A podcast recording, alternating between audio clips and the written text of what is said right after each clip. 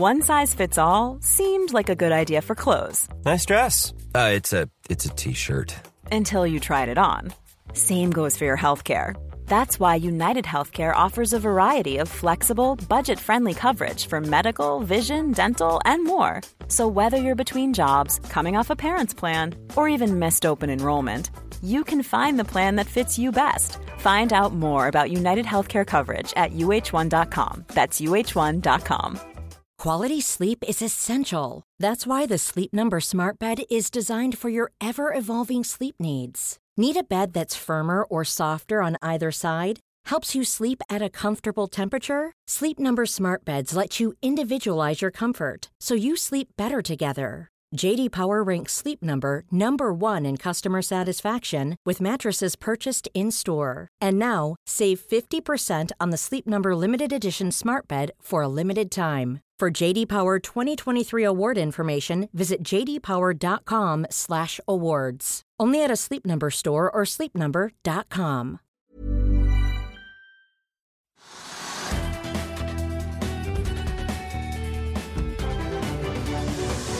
Velkommen til Økonominyhetene i dag, tirsdag. Vi begynner her hjemme, Trygve. I går så falt markedet tilbake 1,7 mens i dag er vi opp 0,7 Hva er det som eh, trigger markedet i den retningen i dag?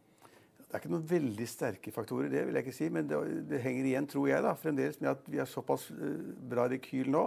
Det er at de amerikanske børsene har gått så sterkt som de har gått. Altså vi, de, de, tre største indeksene har jo gått altså den sterkeste november noen gang. liksom, og til at Markedet har vært i sug i, Amerika. Uh, og Dow Jones har ikke vært sterkere i november enn 1987. altså Så langt tilbake for å få en sterkere november. at November er sterkt internasjonalt. Det ser ut som de amerikanske børsene skal opp i dag. Eh, oljeprisen holder seg der vi snakket om så mange ganger, rundt 48 dollar på fat for brentoljen. Litt under, pluss minus null, har ingen betydning. Så det, kanskje, så det er ingen spekulasjoner nå om oljeprisen vil stige eller falle, avhengig av hva som skjer i OPEC. Liksom ingen har noe sterke Men det er jo litt sånn smådramatikk rundt OPEC pluss-møtet. for Det blir jo nå utsatt til torsdag. Ja. Men vi hører jo flere analytikere si at de tror at de kommer til å forlenge produksjonskuttene.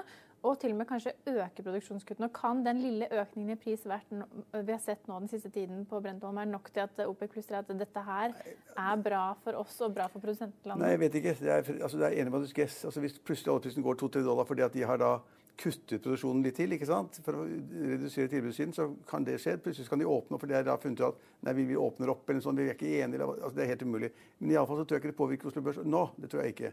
Så oljen kan se bort fra, og så er det da Altså, vi har i hvert fall Equinor opp 2,2 i dag, og Aker BP opp 0,7% Ja, det er litt opp, litt opp men det er bitte lite grann. Men, men det kan ikke si at det liksom er noe driver i aksjemarkedet. Det er det ikke. Det er hovedsakelig det som skjer i USA, og det andre som er det store, som da kan påvirke noe, men som generelt skaper en positiv holdning, det er det at man da har fått alle de meldingene om da eh, koronavaksinen, som da nå alle skjønner at de, disse store selskapene, enten Moderna eller eh, Pfizer, de søker da om godkjennelse, sånn speed-godkjennelse, ja. raskt igjennom. Og sist ut nå er jo det at Pfizer og Biotech, BioNTech har nå søkt om uh, sånn vaksinegodkjennelse. Ja. Ja, sånn, det er en speed-prosess, da.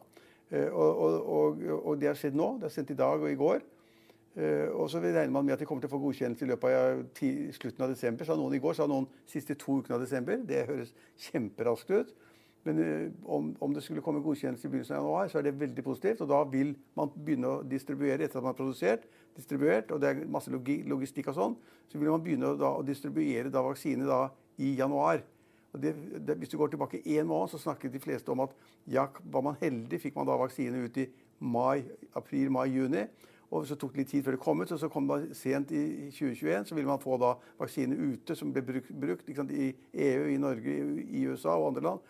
Nå ser man det at man, det, det, og med stor grad av sannsynlighet, hvis man da ikke blir skuffet, så kommer det en vaksine nå i slutten av desember begynt å levere ut allerede i januar, og det er positivt. og Da vil det være veldig positivt for reiselivsnæringen. Vi ser at I USA så er det ganske morsomt å se de umiddelbare utslagene det har. at Sånn som Boeing, rett opp. Disney, rett opp. Altså Reiserelaterte, ferierelaterte aksjer har gått opp 40-50 på null tid. Fordi man ser at hele industrien kan bli forandret hvis man da får en vaksine. Og her hjemme så har vi da Norwegian som er i ny all time low. Den har falt over 99 hittil i år, som du har vært inne på flere ganger. Faller 10 i dag. Nytt av dagen er vel at Aerocap Holdings gjennom et datterselskap har solgt 47,8 eh, millioner aksjer i Norwegian og nå er nede på en eierandel på 3,1% i selskapet. Det er, eh, Tøffe tider for Norwegian og kan knapt bli verre? Nei, altså nå er jo kursen 32 øre eller sånn nå. Og det er, det er all time low. Ja, som du sier, det har liksom da falt 99% i år. Uh, så altså, om Norwegian klarer seg eller ikke, det, kan, det, det, ser kjempeskummelt ut. De trenger masse mer penger. Det ser ikke ut som de får det. Og SAS-aksjen har vært opp 2-3% i dag, og så er pluss-minus null nå. Men hvordan Norwegian skal klare dette, vet vi ikke. Og det er et veldig viktig poeng at disse store leasingselskapene som fikk da aksjer istedenfor å ha da krav på uh, Norwegian, altså Norwegians gjeld, blir gjort om til aksjer. De selger alle aksjene sine. Så kan du si at Hvis du har 30 millioner aksjer, så får du da får du bare 30 øre stykket. Så er det, vel, det er noen få millioner på hånden, men de selger allikevel. Så Det ser ut som de ikke tar sjansen på at Norwegian skal klare seg. Og at de får tilbake verdien på aksjen, som da kanskje i dag er 32 øre. For en uke siden var det 50 øre eller 40 øre. De ser ikke ut som de tror på 40 eller 50 øre engang, for de selger da nede på kurser som vi er nede på nå, noen og 30 øre. Og det er veldig negativt for Norwegian at de, liksom, de, som virkelig kan bransjen, som eier fly, som har lånt ut fly til Norwegian, at de nå ikke tror på disse aksjene og bare pælmer dem ut i markedet, det er negativt. Ja. Og det presser aksjen videre. Andre aksjer som uh, faller tilbake i dag, kan vi ta med seismikkselskapet Axis Geosolution, som har lagt frem tall. De hadde jo da et, faktisk et positivt uh, overskudd fra 3,4 millioner i pluss uh, i år i tredje kvartal, mot eh, minus 3,3 millioner dollar i samme kvartal i fjor. Men sier de må ta tak i gjeldssituasjonen i selskapet, forbedre balansen gjennom en kapitalrestrukturering, og det tolker markedet negativt og sender aksjen ned 26% Ja, og Et annet selskap som vi kunne snakke om som er supernegativt, det er Data Seadrill, riggselskapet som har hatt reforhandlinger og tap og gjort masse rart. og Aksjonærene med Jon Fredriksen spissen måtte putte inn masse penger for et par år siden. De har et datterselskap som, er, datterselskap som heter Sidil Partners eller noe sånt nå. Og de tapte visstnok uh, i fjor 10 milliarder kroner eller et eller annet. Og de tapt masse penger nå også. Og de har nå søkt om konkursbeskyttelse, chapter 11 i USA. Det, det, så det betyr at rigmarkedet er helt dødt. Altså Når Sidril har problemer, og datterselskapet Sidril har problemer, og Borr kom med tall i går, og de tallene refererte vi, og de Borr Drilling tapte 500 millioner kroner i tredje kvartal. Så det, det markedet er helt dødt. Men er det helt dødt? Vi hører nemlig en rigganalytiker i Sparebank1 Markets eh, sende estimatene og kursmålet til værs i Oddfjell, og ser også for seg et solid eh, utbytte. og Oddfjell Drilling er da opp 8% i dag. Ja, jeg kan ikke ordrebeholdninger, jeg vet ikke hvilke kontrakter vi har og til, og til hvilke rater de kontraktene er inngått. Men altså riggmarkedet som sådan, i bredden, med Seadrill og Borr og alle de andre store, store internasjonale riggselskaper, det det det er noen som driller. Det er noen som får betalt, men avhengig av da kostnadssiden ved det. Hvor gamle riggene er, hva de har kostet osv., hvordan balansen ser ut. Men det er, altså, det er et marked som er nesten ødelagt. Men vil du ha noe positivt nytt? Ja. Ja, Vi har snakket om det før, det er en stund siden nå, men det er Kongsberg Automotiv, som da lager bildeler. Og det var en krise ved begynnelsen av året. Hadde ikke penger. ordre da, Svarte natta så vi at det sto ja. på overskrift etter overskrift. Ja, fordi da ramlet verdensøkonomien sammen. Ikke sant? Ingen skulle kjøpe biler, ingen skulle frakte biler. Og biler, hvem skulle produsere de når verden ramlet sammen? Og de trengte penger, hadde en emisjon og fikk Norges to, blant de to beste analytikerne og investorene i Norge, nemlig Arne Fredli og, og Streisbetalen. Og de gikk inn i en emisjon, betalte ti øre for aksjer eller sånn nå. Uh, men det var milliarder av aksjer, da. Uh, og de betalte uh, husker du tallene, men 70 millioner kroner hver eller noe sånt nå, for, for, å komme inn i selskapet. Ved en rettet emisjon mot dem. Alle tenkte det var noe lureri. Og etter få, få, uker så var da Spetalen og Fredrik ute igjen. Og ingen vet om de tjente noe penger. Men nå, men nå, sier selskapet at nå går det veldig mye bedre. Vi har store ordrereserver. Og vi tjener penger. Ikke så mye, men vi tjener litt penger. Så det som skjer i første og annet kvartal, det kan du se bort fra. Tredje kvartal også. Men nå er vi i, i en god posisjon. Eh, og markedet tror det. altså Aksjen ofte blir en av vinnerne med opp pluss 10% i dag. Ja, og Analytikerne er positive, og, og, og etter alt å, å, dømme så virker det som både Spetalen og Fredelig gikk glipp av denne kursfesten vi ser i aksjen akkurat nå. Ja, det ser sånn ut, men det vet vi ikke. Men det ser sånn ut. Ja. Ellers skal vi ta med oss at En annen sektor som analytikerkorpset har klokketro på, det er lakseaksjer. Ja. det er jo vi også snakket, det har vi også snakket masse om her i studio. Jeg var i hvert fall kanskje bedre på det enn andre når man ser litt tilbake. Men Pareto Security sier at de ser altså, laksepriser over 60 kroner per kilo inn i 2021. Og det er jo betydelig høyere enn det vi har sett i år. Vi har jo hatt skrellende lave priser nede på 40-tallet. Under 50 kroner. lavt 40-tall. Eh, men hvilke lakseaksjer er det man skal eie da?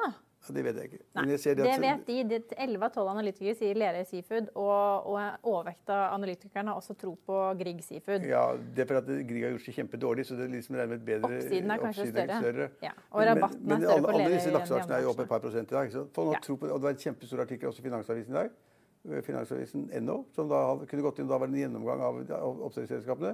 Og samme underliggende troen på at dette går bra, at folk skal kjøpe laks og vil betale over 60 kroner kiloen. Da tjener de masse penger, fordi at kostprisen er vel nede på 30 kroner eller sånn nå. Hvis du har 30 kroner imellom på hver eneste kilo fisk du selger, så blir det penger av det. Ja, Den har vel ligget oppimot 40 kroner, denne produksjonskostnaden for ja, laks. Okay, men, men, det er klart at uh, i, i, i, i, tider med lave laksepriser, så de, må de ja. jobbe på spreng for å få det ned.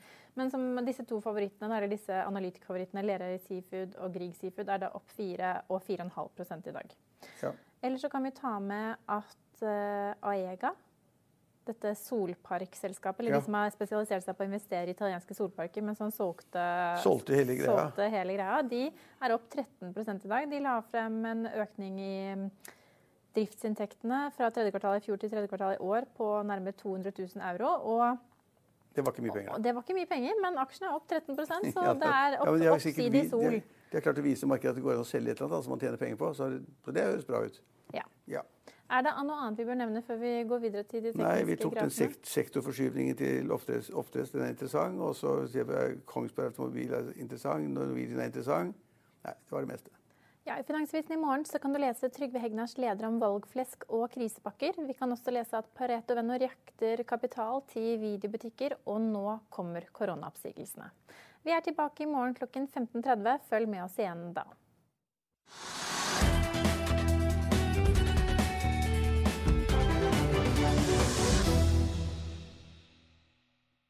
Økonominyhetene er en podkast fra Finansavisen. Programledere er Marius Lorentzen, Stein Ove Haugen og Benedikte Storm Bamvik. Produsenter er Lars Brenden Skram og Bashar Johar.